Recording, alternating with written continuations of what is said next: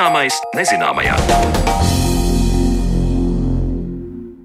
Esiet sveicināti redzījumā zināmais nezināmajā ar jums kopā, kā jau ierasts šajās stundās Sandra Kropa. Šodien redzījumā lūkosimies vēsturē un precīzāk skaidrosim, ko zinām un ko vispār varam noskaidrot par cilvēku ēdienkarti pavisam senos laikos.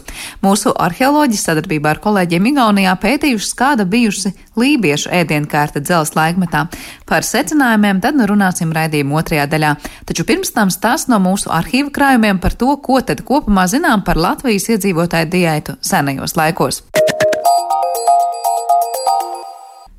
Tagad Latvijā ezerrieks atrodams tik dažās ūdens tilpēs un ir aizsargājums augsts, bet pirms vairākiem tūkstošiem gadu tas bija ierasts pārtikas produkts mūsu senču ēdienkartē. Kuros laikos Latvijas teritorijā tika ēstas gliemenes un audzēta prosa un kāda bija pārtika sendienās, par to tūdaļ stāstīs antropoloģija vēsturzinātņu doktore Gunita Zariņa. Akmens laikmetā kopumā iedzīvotāji diezgan daudz uzturā lietoja augus, daudz zivis un nedaudz arī gaļu, ja gadījās tāds laimīgs gadījums. Vienkāršot sakot, kas bija atrodams un noķerams un atzīts par veselībai nekaitīgu, to arī senatnē ēda. Par to, kāds bija pārtiks racions akmens, bronzas un dzelzs laikmetā, stāsta antropoloģe un vēstures zinātņu doktore Gunita Zāriņa. Sākotnējā periodā, jā, tie visi ir savaļas augi un dzīvnieki, kas tiek lietoti uzturā. Tādi interesantāki, kuri varbūt šodien mums vairs neparādās, tie varētu būt ezerieksti, kas diezgan plaši tika lietoti uzturā akmens laikmetā, arī dažādu ūdens liliju saknes, lielās nātres, čemurainie puķu meldri kā arī visas iespējamās ogas un sēnes, un arī balandas un virzas. Un praktiski viss, kas nebija kaitīgs veselībai, tika izmantots uzturā. Uzturā salīdzinot ar mūsdienām, senākajos periodos ir lielāks zivju īpatsvars. Es domāju, saldūdens zivju īpatsvars, tāpēc, ka viņas vienkārši bija pieejamas upēs un ezeros. Un tas bija pieejams uztura avots, kamēr nebija attīstījusies ne lopkopība, ne zemkopība. Runājot par ezerriekstu, ielūkosimies interneta vietnē Latvijas daba, un tur ir rakstīts šādi: Šī ūdensauga stublājs ir garš un lokans. To kā Enkurs ezera gruntī notur iepriekšējā gada rieksts, no kura augs ir izaudzis. Peldošais ezerrieksts ir viengatīgs augs, kurš katru gadu aug no jauna, zied, nogatavina augļus, kuri nogrimst ezera dūņās, kur pavada ziemu, lai nākamā gada pavasarī dīktu un izaugtu atkal jauni augi.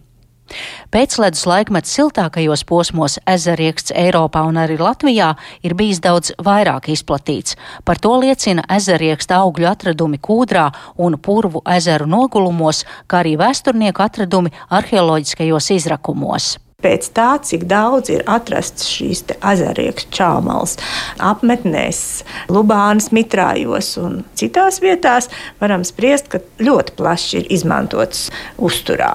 Tāpat arī gliemeži ir izmantoti parastie ezeros sastilpamie gliemi, ir arī plaši izmantoti uzturā.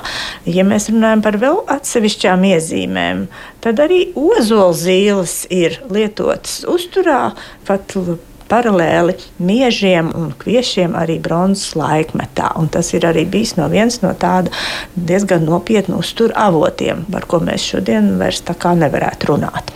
Arī ozols ielas ir ceptas un, un, un lietotas, jo viņu sastāvs ir tūs miežu sastāvam, un tad tur tad zināmas tādas paralēlas lietošanas ir notikušas. Ja mēs skatāmies uz to pārtikas pieejamību, es nezinu, pa kuru laikmetu var runāt visvairāk, vai tas ir akmens laikmets, bronzas laikmets vai viduslaiki. Kas noteica to produktu, kuri produkti bija vieglāk pieejami, ērtāk dabūjami? Visos periodos iedzīvotāji izmantoja tos produktus, kas bija vispār pieejami. Kamēr nav mums šo mājlopu un nav mums to graudu izaudzētu laukos, tikmēr ir jāiztiek ar to, ko var atrast dabā. Bet attīstoties šai ražotāju saimniecībai, protams, uzsvars tiek likts uz to, kas ir pieejams uz lauka un, un kas ir pieejams aizgaldā vai kūtī. Un šie meža produkti un upes zivis paliek par papildus uzturu avotiem. Un Tas notiek Latvijā apmēram ap 2000 gadus pirms Kristus, kad eh, attīstās ražotāja saimniecība un tā intensīvāks mm, nostiprināšanās notiek apmēram 1000 gadus pirms Kristus. Interesanti, ka bronzas laikmetā un vēl arī dzelzceļa laikmetā sākumā Latvijā tiek audzēta arī prosa, jo to atļauj klimatiskie apstākļi. Un runājot par visu pārtiks pieejamību, ļoti liela nozīme klimatam, ko mums atļauj izaudzēt un kas pats izaug mežā un pļavā. Un e, tieši klimatiskās izmaiņas arī noteica gan to, kādas kultūras tika audzētas uz lauka. Un e, pros ir arī viens no tādiem izņēmumiem, kuri šodien mums vairs netiek audzēti. Pēc tam klimats viduslaikos, sākot ar 14. gadsimta vidu, kļūst augstāks, mitrāks, iestājas tā dēvētais mazais ledus laikmets, kurš ilgst līdz pat 19. gadsimta vidum. Un tas arī nosaka viduslaiku uztura pieejamību, jo šī graudaugu audzēšana ir diezgan apgrūtināta. Viņi izsalst, viņi izslīkst tainajās vasarās, un vienmēr ir bijušas problēmas cilvēks vēsturē ar, ar pietiekamu uzturu. Vai ir pētījumi, kā kaut kādi konkrēti produkti ir ietekmējuši cilvēku dzīvi ilgi vai veselību? Tas, ko mēs apēdam, Tas veido mūsu ķermeni, mūsu kaulus, mūsu zobus. Ierakstās arī gan kaulos, gan zobos mūsu uzturs, kāds tas ir bijis dzīves laikā. Principā sākot attīstīties ražotāju saimniecībai un pārējot uz tādu vienpusīgāku graudaugu uzturu, senajos iedzīvotājos varam konstatēt tādu iezīmi kā zobu sistēmas pasliktināšanos, jo pārtiekot no šiem savaļas produktiem, tika uzņemts acīm redzot vairāk kalcija un vairāk olbaltumvielu iepriekšējos periodos, un šeit neparādās tādas izteiktas zobu sistēmas problēmas, kādas ir sastopamas pārējot uz tīru zemkopības produktu masveida pielietošanu uzturā. Tad par kuru laikmetu mēs runājam, ka tie zobi ir bijuši sliktāki? Latvijā tas ir iespējams to konstatēt bronzas laikmetā. Salīdzinot ar akmens laikmetu, mūsu uzturs varētu būt palicis vienpusīgāks, un tas atspoguļojas zobu sistēmas veselībā. Kas tad ir tie produkti, kas bronzas laikmetā bija? Bronzas laikmetā, ja tā ir izteikta zemkopība, tad tā jau ir liela labības īpatsvera palielināšanās uzturā. Tātad tiek vieši, mieži, prosa, tās ir putras, tās ir zināmā veida maizes izstrādājumi, Tie ir miltu produkti, kuri ienāk un aizņem savaļas augu vietu mūsu uzturā. Un tie ir vienpusīgāki varbūt nekā, ja mēs tos savaļas augus iegūstam dabā, tie liecina par tādu zināmu organisma uzņēmību lielāku pret slimībām pārējot uz vienpusīgāku uzturu. Tā ir standarta situācija, tā ir ražotāja saimniecības attīstības otrā puse, ka neskatoties uz to, ka mūsu zemkopības un lopkopības produkti mums nodrošina drošāku un pastāvīgāku uzturu. Tie varēja būt arī atsevišķos gadījumos vienpusīgāki un atstāt iespaidu uz mūsu veselību. Kas attiecās uz to kopējo viduslaiku iedzīvotāju uzturu, tad šīs miltu produkti un putra uh, un maize ir pamata uztura sastāvs, kuru nedaudz palielina piena produkti, gaļas produkti, kā piedeva šiem pamat uzturām. Par piena produktiem tad jau mēs runājam par govīm.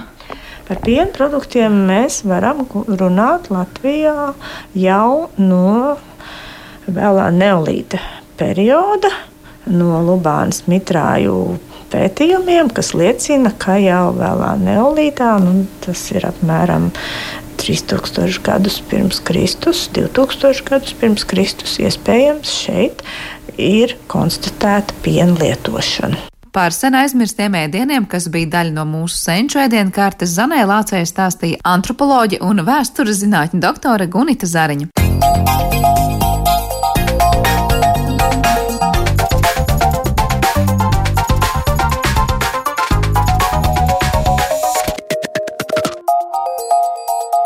Zināmais nezināmajā. Šis gadsimts nenoliedzami mums piedāvā lieliskas iespējas dzīvot un ēst veselīgi, garšīgi un pilnvērtīgi, bet vai esat aizdomājušies, ko un kā gatavoja un ēda ļaudis laikā, kad virtuves nebūtu nebija tik labi aprīkots ar dažādiem traukiem un ierīcēm ēdiena gatavošanai, kā tas ir šajā gadsimtā? Arheologi ir veikuši pētījumu un noskaidrojuši, ko tad ļaudis ēda senākos laikos un pavisam precīzi, kāda bija lībiešu ēdienu karte vēlajā dzelzs laikmetā. Lai par to runātu, attālinātu, uz sarunu esam aicinājuši Latvijas Nacionālā vēstures muzeja galveno arheoloģijas keramikas krājumu glabātāju Alisa Gunnarsone un Latvijas Universitātes Latvijas vēstures institūta asistente bioarheoloģija Dārdegu Legzdiņu. Labdien jums abām! Labdien! Labdien! Labdien. Uh, vispirms pastāstiet varbūt par to savu pētījumu, jo es saprotu, ka pētījums ir gan svaigs, ja tā var teikt, un arī publikācija mums starptautiska saistība arī ar Igaunijas arheoloģijas uh, žurnālu. Ko tieši esat publicējuši un ko tieši esat pētījuši šajā kontekstā? Nu jā, tas ir Latvijas Nacionālā vēstures muzeja projekts, kur piesaistīja Kultūra kapitāla fondu un arī Igaunijas grantus, kur vēlējās apstīties tieši viena lībiešu ciema diētu, ko viņi ir ēduši, un vēl interesanti izdevās noskaidrot arī, kā viņi šos produktus ir pagatavojuši. Jo līdz šim mums ir tāds diezgan vispārīgs skats uz to, ko cilvēki senajos laikos ir ēduši, pēc tā, ko ir arheoloģiski izdevies atrast bet ir parādījušās jaunas metodes, un tagad arī viņas iespējams izmantot uz dzelzceļa laikmetu materiālu un apstīties daudz precīzāk, kādas ir šīs mazās reģionālās atšķirības, varbūt ieraudzīt kaut ko tādu, ko mēs nebijām līdz šim gaidījuši. Tā kā sanāca arī pārvērtēt to, ko zinām un nezinām līdz šim par lībiešu ēdienu karti un, un jautājumus jaunus esam. Tad izvirzīšana un jaunas atbildes arī raduši. Jā, jo nu, Šajā pētījumā mēs skatījāmies pirmkārt tieši uz traukiem. Mums ir līdz šim bijis, nu, ko mēs atrodam atkritumos. Mēs atrodam kādus kaulus, vai nu govs, vai nu cūkas, vai nu kādus citus kaulus, un atrodam kaut kādus graudus, graudu sauju. Bet līdz šim bija ļoti grūti salīdzināt, kad, ko tad ēda vairāk. Tas klasiskais jautājums, vai visi ēda tikai putras, vai visi ēda tikai gaļu. Bet, ja tev ir graudu sauja un kaulu čūpiņa, tu īsti viņu nevar nekādā veidā salīdzināt un pateikt, kas īsti bija tas pamatēdiens un kas bija tāda piedeva bet mēs paņēmām podus, kas ir tieši paņemti no dzīves vietām konkrētiem pavārdiem un no abadījumiem, jo lībieši ir vienīgie, kas šajā laikā dod līdzi traukus, kuros arī gatavo ēdienu. Un apskatīties, kādi tauki viņos ir, ies, viņos ir iesūkušies no kādiem produktiem. Un līdz ar to mēs varam redzēt, ko ikdienā viņi vārīja podos un ko ikdienā viņi nevārīja podos, kas arī bija ļoti interesanti īstenībā. Un tad mēs ieraudzījām, ka lībiešiem tieši Daugavas Daugavas salas raušu ciema lībieši, pamatā viņi ir ēduši zivis un gaļu, un putru mēs īsti neatrodam. Bet tas ir tas, ko jūs atradāt no šiem podu lauskām, vai tajās uh, konkrētajos priekšmetos, kā atliekas, vai kā? Kā jūs tikāt līdz tiem secinājumiem? Tās sauc par lipīdu analīzēm. Mēs taisījām trīs dažādus veidus ar šīm analīzēm, ka mēs pirmkārt paņēmām piedegumu, tas ēdiens ir vārīts un kā dažreiz gadās viņš vienkārši piedeg, un apskatījāmies piedegumā, kādi tauki viņā ir palikuši, kādas cietas viņā ir palikušas. Un vēl divas metodas ieurbās tieši iekšā māla masā trauka, jo viņi šajā laikā nav glazēti. Katreiz, kad viņš uzkast, viņā iesūcās tauki iekšā māla porās. Ieurbjoties viņā iekšā, var dabūt tieši tos taukus, kas vai nu parāda konkrētus bio biomarķierus, kas ir ķīmiskie savienojumi, kas var būt nākuši piemēram tikai no jūras zivīm, vai tikai no um, saldūdens zivīm, vai tikai no dzīvniekiem, un apskatīties arī viņu izotopiskos līmeņus, kas pasaka, kur barības ķēdē šis augs ir atradies. Vai viņš ir bijis kaut kas ļoti zems no graudaugiem, vai kaut kas ļoti augsts no, piemēram, kādiem jūras dzīvniekiem. Un tādās visas šīs metodas parāda mums virzienus, ko mums jāskatās, un dod mums konkrētus produktus, kas šajā podā ir vārīts. Tā kā līdz detaļām varat izsakot tādām lietām, tur droši vien Dārdagai ir ko piebilst un, un, un arī teikt, kā bioarheoloģija par šo pētījumu, kā tas ir noticis un kas pašai interesants licies tajā. Jā, vēl piebilstot tam, ko Alis jau teica pašā sākumā. Šādi pētījumi ir ļoti vērtīgi tieši tādēļ, ka mēs varam jau konkrētāk, jau mikroreģionos skatīties un pētīt. Jo tie līdzinējie arheoloģiskie pētījumi parasti tomēr balstīti uz tādu vispārēju, teiksim, nu, vēlajā dzelzs laikmetā Latvijā. Un es domāju, ka šis pētījums ļoti skaisti parādīja to, ka, ja mēs paņemam tādu mazu mikroreģionu, jā, tad tas nemaz tā nesasaucās ar to līdzinējo uzskatu, ka viss ir zemkopju. Un, un ka tās zivis, teiksim, tā otršķirīgi. Ja, atkarībā no mikroreģiona, atkarībā no visticamāk tiešām reāli, reālās tās pieejamās, pieejamiem resursiem, reālajiem tā, tā brīža geogrāfiskais novietojums, tā, tas, tas, kāda ir tā vide. Jā, ka mums tā Latvija tomēr nav visa viendabīga, jā, ka katrā mikroreģionā var būt kaut kādas savas atšķirības. Tas, kas jums ir mikroreģions un tas, ko jūs pētījāt, varat mazliet iezīmēt geogrāfiski to vietu un par kādu, cik mazu patiesībā vietu mēs runājam un cik ļoti, jūs prāt, lielu iedzīvotāju skaitu savulaik mēs runājam? Kas konkrēti ir ēdis tā, kā jūs esat atklājuši? Nu, es parasti to interpretēju, ka tas attiecas tieši uz šo Daugavas upes leiteci, uz lībiešiem, kas dzīvo gar Daugavas krastiem. Jo tas, ko mēs vismaz izsacinām pēc arī Dardegas pētījumiem, kas ir ne tikai, mēs pievienojam arī ne tikai to, kas ir podos, bet arī to, kas ir cilvēku kaulos, kad ļoti liela iespēja atstāja tieši šī upes ielais geogrāfija. Jo nu, praktiski mēs runājam par kaut ko, ko man patīk iztēloties kā tādu piejūras, piejūras diētu. Jo, ja es teiktu, ka zvejnieku ciemā ēda tikai zivis un gaļu, neviens nebūtu ļoti pārsteigts. Tas tā kā visiem saprotams. Bet, ja mēs apskatāmies uz ogres apkārtni, piemēram, uz, uz, eh, uz Ikšķilis apkārtni un Dolas salu, pirms notika Hess celtniecība, pirms notika melorācijas un agrārās reformas, tie ir stāvi dolomīta krasti, un pamatā, kas ir aiz viņiem, ir grants un smilts, kas ir apaugusi ar viršiem un apauguši ar priedēm. Līdz ar to ir diezgan skaidrs, kāpēc mēs varētu runāt par tādu fokusu tieši uz zivīm un uz gaļu, nevis uz lielu graudkopību. Jo, protams, tas nav tik daudz izdevīgi kaut ko censties tur izaudzēt, ja tu tajā laikā vari vai nu ķert zivis, vai audzēt lopus un no tiem arī iegūt citus produktus. Piemēram, tu vari iegūt ādus, ko var ļoti labi tirgot.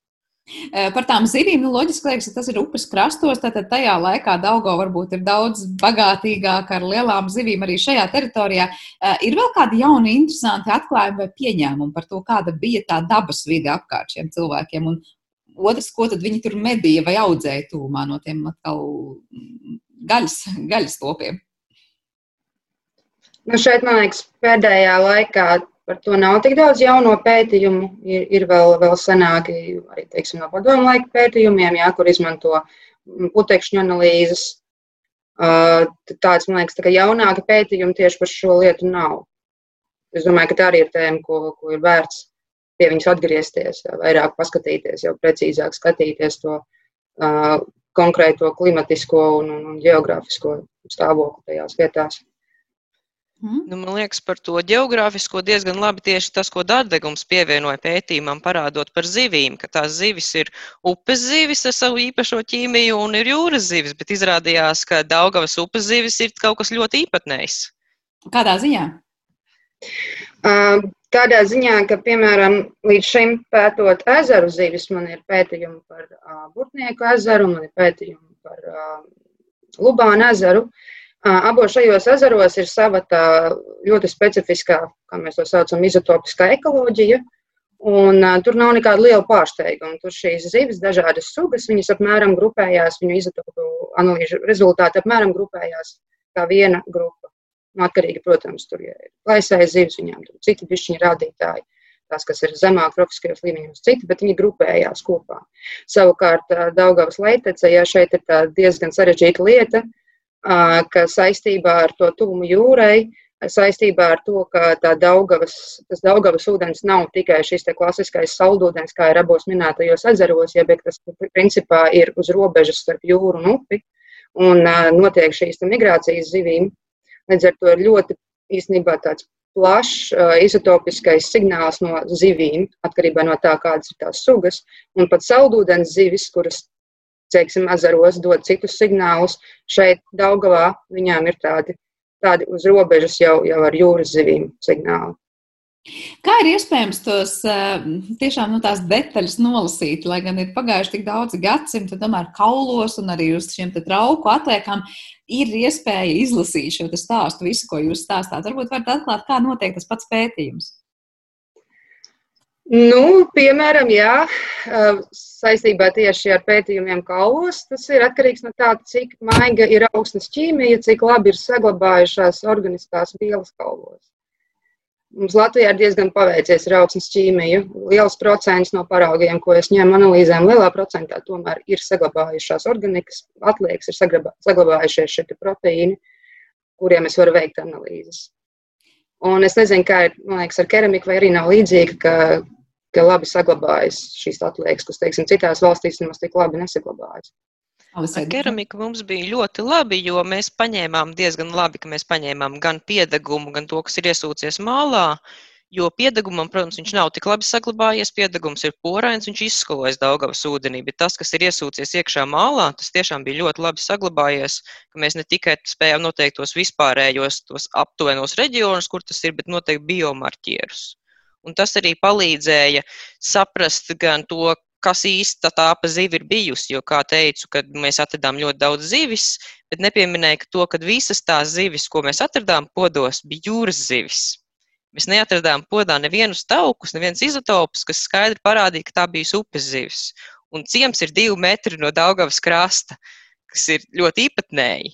Un tādēļ labi, ka mēs ņēmām vairākas analīzes un vairākus dažādus pētījumus, jo parādījās tas, ka visticamākais skaidrojums ir ne gluži tas, ka viņiem Daugavas zīme tie izotopi ir nedaudz sajaukti, bet drīzāk tas ir tādēļ, jo mums ir peldējuši daudz stores pa upi, kas tāpat kā laši nārsto. Un līdz ar to viņas lielas divmetrīgas zivis noķer, viņas savāra podos un paliek tie tauki zivju, kas izskatās pēc jūras zivīm. Bet tajā pašā laikā Daugavas zivis ļoti iespējams, ka viņas žāvēja, jo viņas podos neparādās ne ar izotopiskajiem līmeņiem, ne ar biomarķieriem. Tā kā ir iespējams, ka viņas ir vienkārši ķertas žāvēšanai, lai viņas varētu izmantot ilgāk, kamēr stori, kas ir milzīgi, kur īsti nevar tik viegli izžāvēt, viņi ir savārīti ēdienā. Es varu teikt, mēs esam tikuši pat līdz tādai ļoti precīzai, iespējams, seno lībiešu ēdienu kartē, ja mēs pat zinām, kuras zivis tās varēja būt. Tā izskatās mums, jā. Mēs neesam biomarķieriem tieši līdz storēm tikuši, bet tās ir vienas no tām kauliem, ko mēs tieši asakas kauli atrodam, mēs redzam, ka viņas ir ēstas daudz, un mēs arī redzam daudz jūras zivis otrā vietā, līdz ar to visticamāk tas sajiet kopā. Un tas ir līdzīgi tam specifikai arī ir ar gaļu. Gaļu mēs atrodam pamatā tikai lielopu gaļu, zālēdāju. Mēs neatrodam cūkas podos. Un tas ir dīvaini, mums ir ļoti daudz cūku kaulu šajā ciemā. Kāds ir to skaidrojums?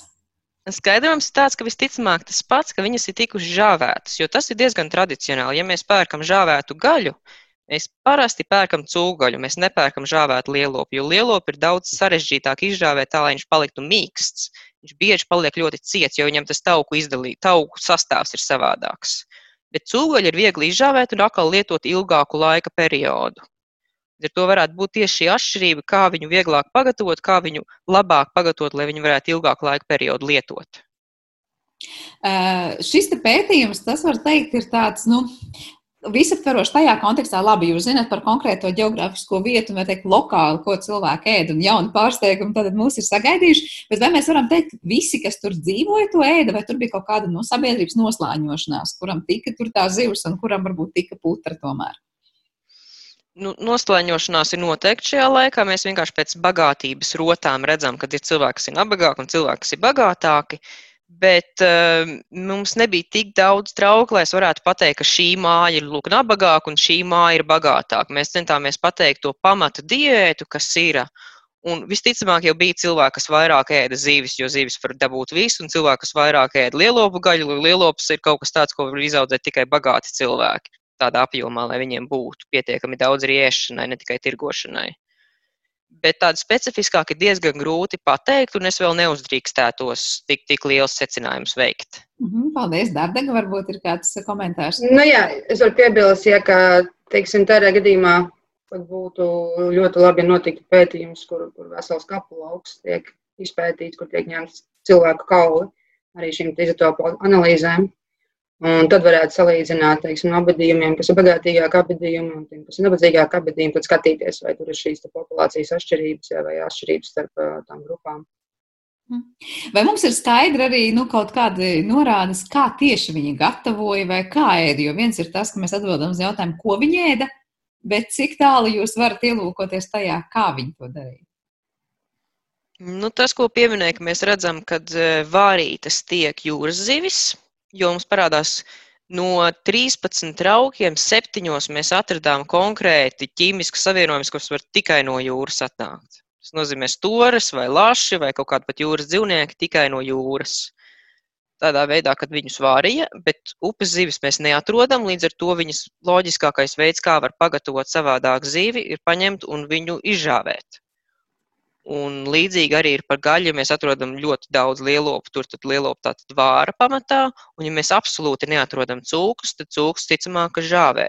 Jā, es, var... zinu, kad, es zinu, kad ir pie, noteikti piebilde, kad varbūt tās viņas uzdūr ziesmu un uzcepj, kas ir šašlikam ļoti tradicionāls, ļoti labs un ļoti labs veids, kā pagatavot ēdienu. Bet šajā laikā mēs runājam par sabiedrību, kur bats ir tā kā norma un viņš ir. Un ja tu kaut ko cep uz uguns, tas jau ir cepetis. Tas ir kaut kas, kas pazaudē taukus un ir tikai uz svētkiem. Jau diezgan nesenā pagātnē mēs zinām, ka cepetis nav kaut kas tāds, kas ir normāli trešdienas vakariņas. Tas ir ļoti lieli svētki, ka tu esi izšķēdīgs un tev nav žēl iztērēt šo vērtīgo barības vielu. Tā kā var teikt, uzturvērtība tajā brīdī skaitīja ļoti, ļoti sīki un smalki, un tā vienkārši ar tauku pazaudēšanu nešķērdējās. Eh, bet vai jūs, prāt, mums ir pietiekoši daudz informācijas, kas ļauj tālāk attīstīt to domu, nu tad mēs varētu mēģināt atdarināt tā laika pagatavošanas veidu, eh, nezinu, kur cepa vai kurš žāvēja, cik ilgi un kā tas notika? Hmm. Var iesaistīt, protams, etnogrāfisko materiālu, mums ir ļoti labs un censties apmēram izdomāt, bet eh, tas, protams, ir lielā daļā minējums, jo mēs varam apmēram iedomāties, kāds varētu būt, bet pierādīt mēs to, diemžēl, nevarēsim. Tas ir pats, kas mēs nevarēsim pierādīt, cik daudz, piemēram, lietoja kaut kādas garšvielas, kā ķiplokus vai sīpolus. Eh, mēs vienkārši viņus neatrodam arheoloģiski. Un arī ar izotopiem, diemžēl, mēs viņus neatrodam, jo viņi ir pietiekami maza barības daļa sastāvā kopējā. Tā kā mums paliek mīkla par to, kā tas viss varēja garšot viņiem. Pēc Jā, es, es, domāju, es domāju, vismaz ar mūsdienās pieejamajām metodēm mēs pagaidām vēl nevaram cerēt, ka, ka drīzumā varēsim izdot recepšu grāmatu. Es domāju, ka neizskatās pagaidām realistiski. Paliek kā liels sapnis, protams, uz ko tiekties. Bet vai jums ir tādi nu, nākamie jautājumi, kas jūs noteikti urda un kurus noteikti gribētu saprast tieši šajā kontekstā? Kas tur vēl ir vai nav noticis? Vai, nu, Jo jūs esat ielūkojušās, var teikt, nu, krietni tālāk nekā vairums Latvijas iedzīvotāji, kuri interesējas par šo jomu, varbūt Kas jums ir tie lielās mīklas vai neskaidrie jautājumi? Hmm. Man gribētos sevi pārbaudīt, varētu teikt. Man gribētos paņemt, piemēram, kaut kādu tērvetes, tērvetes pilskalnu vai kaut kur zemgalē apdzīvotību, lai redzētu vietu, kur nu noteikti pamatā ēda putras. Jo tērvetē mēs esam atraduši sadegušu graudu klēti ar aptuveni 18 tonnām graudu. Nu, skaidrs, ka tur bija podi pilni ar putrām. Es gribētu viņus redzēt arī, lai zinātu tās atšķirības. Mm, Dārdega, kā jums? Jā, es, es pilnīgi piekrītu Elisai, ka viens šis, šis lielais jautājums, ko noteikti ir vērts risināt tālāk, ir šīs mazo, mazo reģionu, mikro reģionu savstarpējās atšķirības. Un, un otrs arī tas, ko jūs jau Sandra jau jautājāt, jā, kā ir ar uh, atšķirībām dažādu sociālo slāņu uzturā, jā, skatīties atkal tās atšķirības. Bet tur būtu vairāk jāmeklē tieši tajās kaulos, kas notiek. Jo nu, jūs atradīsiet, piemēram, abadījumu, un jūs skaidri redzēsiet, tas bija tas nu, masturīgākais vai tieši otrādi turīgākais sabiedrības cilvēks. E, kā jūs citādi varat noteikt, nu, tad, ko ēd tie turīgākie un tie nabadzīgākie? Es, es domāju, ka visos šajos jautājumos joprojām ir, ir vērts likt kopā šīs dažādas metodas. Jo ir atšķirība starp to, ka tas, kas nāk, šī informācija, kas nāk no traukiem, no podiem, uh, viņa ir, ir laika ziņā krietni konkrētāka. Ir kaut kāds konkrēts īsts laiks, kuru laikā šis pods ir ticis lietots un, un, un viņa ir uzkrājušās tās vielas.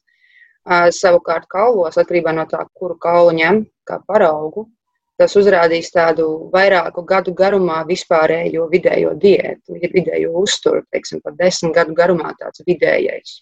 Līdz ar to es domāju, ka abas šīs metodas kopā tieši, tieši var palīdzēt uh, rast priekšstatu gan par teiksim, tādu kā uzturu jautājumu, kāds bija tas uzturs, gan arī teiksim, no poda puses jau krietni konkrētāk jā, par, par šīm gatavošanas veidiem. Bet kā ir, pirmkārt, ja mēs runājam par to vēlo dzelzs laikmetu, nu, konkrēti šīm apmetnē, šo apmetni, ko jūs pētījāt, pa kuru gadsimtu mēs šobrīd runājam? Es centos jau pieminēt 11. un 13. gadsimts. Tas ciemam ir vis, visvairāk lielākā apdzīvotība, un arī trauks mēs centāmies ņemt tieši no šī laika. Tas ir tieši pirms krustneša ierodās, kad ir tas lībiešu ziedu laiks, kad viņi ir ļoti bagāta sabiedrība, acīm redzami tirgojās, viņiem ir pieeja dažādiem produktiem, domāju, ka varēja redzēt, kādi viņi varētu būt šajā laikā izskatīties. Bet cik lielā mērā šajā laikā viņi paši bija tādi, var teikt, mobīli un kustīgi? Nu, ja viens, kas dzīvoja tagadējā tur Dolas salas stūmā, vai viņš varēja savas dzīves laikā tur diezgan aktīvi pārvietoties un kādu laiku dzīvot tur tervetes pusē, un otrādi, vai, piemēram, nu tagad, ja dara tagad ņems skaulu analīzes no, cil, no abadījuma kaut kur, kas raksturos vienu apmetni, vai tas liks domāt, ka viņš tur visu mūžu arī ir dzīvojis, varbūt viņš ir ēdis pusi dzīves kaut ko pilnīgi citā Daugavas pusē. Tas mm. noteikti būtu ļoti labs jautājums Dardagai. Tas, tas tā pilnīgi noteikti ir. Un, un tīri paši, no pašas arheoloģijas viedokļa mēs jau arī redzam, ja, ka, ka nav tās vēlā dzelzs laikmeta sabiedrības pilnīgi nošķirtas. Ja mēs redzam, ka ir, ir abedījumi tajos apgabalos, kur tiek sagaidīti, piemēram, ka būs lībieši, bet, bet tur ir arī zemgaļa abedījumi. Stāti un otrādā, tas pats ar latgaļiem. Tālāk. Un, jā, protams, piemēram, par, par migrācijām arī ir ārkārtīgi interesants jautājums. Un, Tur ir jau, jau runa par bišku citām izotopu analīzēm, bet arī ir izotopu analīžu veids, ar kuru var risināt, skatīties, vai ir notikušas šīs migrācijas, cik lielā mērā ir notikušas šīs migrācijas salīdzinot um, no, no kaulu analīzēm. Bet, uh, tur gan uzreiz nāk klāt arī problēma par to, ka pirms šāda pētījuma būtu nepieciešams uh, šo izotopisko geoloģisko karšu izveide, kartas izveidot, lai, lai saprastu. Jo citādāk tikai paņemot analīzi, uztaisot kaulam, mēs, mēs daudz nevaram pateikt, kamēr mums nav zināms ģeoloģiski, no kurienes tie izotopi nāk. Bet tas, tas, tā kā, tas tā kā, manuprāt, nākotnē Latvijā šajā jomā būtu ļoti, ļoti nepieciešama pētījuma. Tā kā pētījumi nākotnē vēl daudz un dikti vajadzīgi un nepieciešami. Ar ko šīs, jūsuprāt, ir interesants arī nu, tiem pašiem igauniem vai citiem ārpus Latvijas robežām? Vai tas, ko ēda lībieši, ir aktuāli arī, kā saka, mūsu kaimiņu valstīm? Um, es zinu, ka Igauni jau skatās uz varbūt iespējām taisīt šādu pašu pētījumu tā kā lielākā apjomā gan Igaunija, gan Latvija pa vairākām dzīves vietām, lai redzētu tiešām, jo arī viņiem parādās pētījumos, ka dažās vietās, tur, kur viņi gaida, ka vajadzētu ēst tikai graudus un putrus, pēkšņi parādās, ka graudu un putrus nav vis kaut kur. Līdz ar to redzēt tādu lielāku salīdzinājumu, jo tās atšķirības ir Visā pasaulē, man liekas, negaidīja tik daudz atšķirības. Kaut vai ja par viņām padomā nedaudz ilgāk pastāst kartēs, viņas ir diezgan loģiskas. Bet tas ir kaut kas tāds, ko daudz cilvēku tagad skatās un pēta daudz detālāk un daudz precīzāk. Jā, jūsu pētījums man šķiet tas, ko noteikti ir parādījis arī, kā saka, neizdaram pāragru secinājums par visiem lībiešiem kopumā, jo, piemēram, viena ēda šeit pie upes kaut ko pilnīgi citādāk nekā cita tur tervets varbūt pusē. Vai un cik ļoti, jūsuprāt, šādas ēdienkartes pētīšana kopumā varētu nu, pateikt kaut ko jaunu par lībiešiem kā tādiem, ar ko viņi atšķīrās savā uzturā? Vai tas būtu pāragri teikt, un, un mēs nevaram tik ļoti vispārināt? Man būtu interesanti redzēt turaidā, ko viņi ēda. Jo, ja es pieņemu, ka es pie krasta redzēšu apmēram to, ko es redzu šeit pie Daugavas, tas, kas ir bijis turaidā un, un tajā vendu apkārtnē pie cēsīm, Vai tas arī sekos tam pašam, vai tur parādīsies kaut kas cits? Varētu domāt, vai tā ir tradīcija vai tikai geogrāfija jau sākt spriest. Bet tad ir jābūt kaut kādam plašākam, geogrāfiskam, atšķirīgākam fonam, lai varētu spriest, kas ir tradīcija un kas ir vienkārši tāpēc, ka tev tas ir pieejams un tev tas ir ērti. Hmm. Dārdaga? Jā, es domāju, ka uh, ir pāragri izdarīt kaut kādus secinājumus eh, šajā jautājumā, jo tur tiešām ir vajadzīgi krietni vairāk pētījumu par krietni vairāk sanvietām. Tā ir skaitā arī ne tikai par lībiešiem, bet arī par pārējām astautām, kas tajā laikā ir dzīvojušas. Jo pagaidām tas tikai, tikai pats sākums. Tā kā tā fona informācija ir ļoti, ļoti vajadzīga un plaša un nepieciešama, bet kopumā Jā. var teikt, ar lībiešu dzīves pētīšanu mums to datu, kurus iegūt un kurus pētīt, ir, un tie ir gan labi saglabājušies. Tādā ziņā jūs esat labās pozīcijās, es pareizi sapratu? Jā.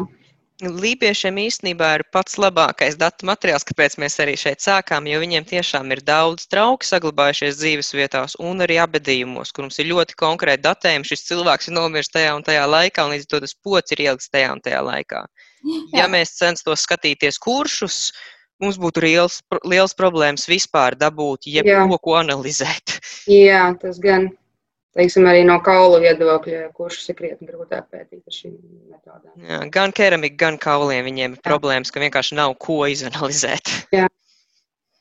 Nu, ko vēlēsim veiksmus jums turpmākajos pētījumos, un, protams, gaidīsim ar interesantiem atklājumiem, kad atkal nāksiet klajā, jo tas tiešām ir pārsteidzoši, kā neraugoties uz to, cik daudz gadsimti ir pagājuši. Atrodot vienkārši kādu lausku vai trauku vai abadījumu, jūs spējat patiešām tādās sīkās, sīkās detaļās izlasīt tik lielas un nozīmīgas lietas. Paldies! Dzirdējām Latvijas Nacionālā vēstures muzeja galveno arheoloģijas keramikas krājuma glabātāju Alisu Gunarsonu un Latvijas Universitātes Latvijas vēstures institūta asistentu bioarheoloģiju Dārdegu Leiksdiņu. Tur arī redzījums ir izskanējis. Paldies par to producentēs Armītei Palātei. Girds Bišs parūpējās par mūziku šajā stundē un ar jums kopā šeit bija Sandra Kropa. Uz tikšanos rīt!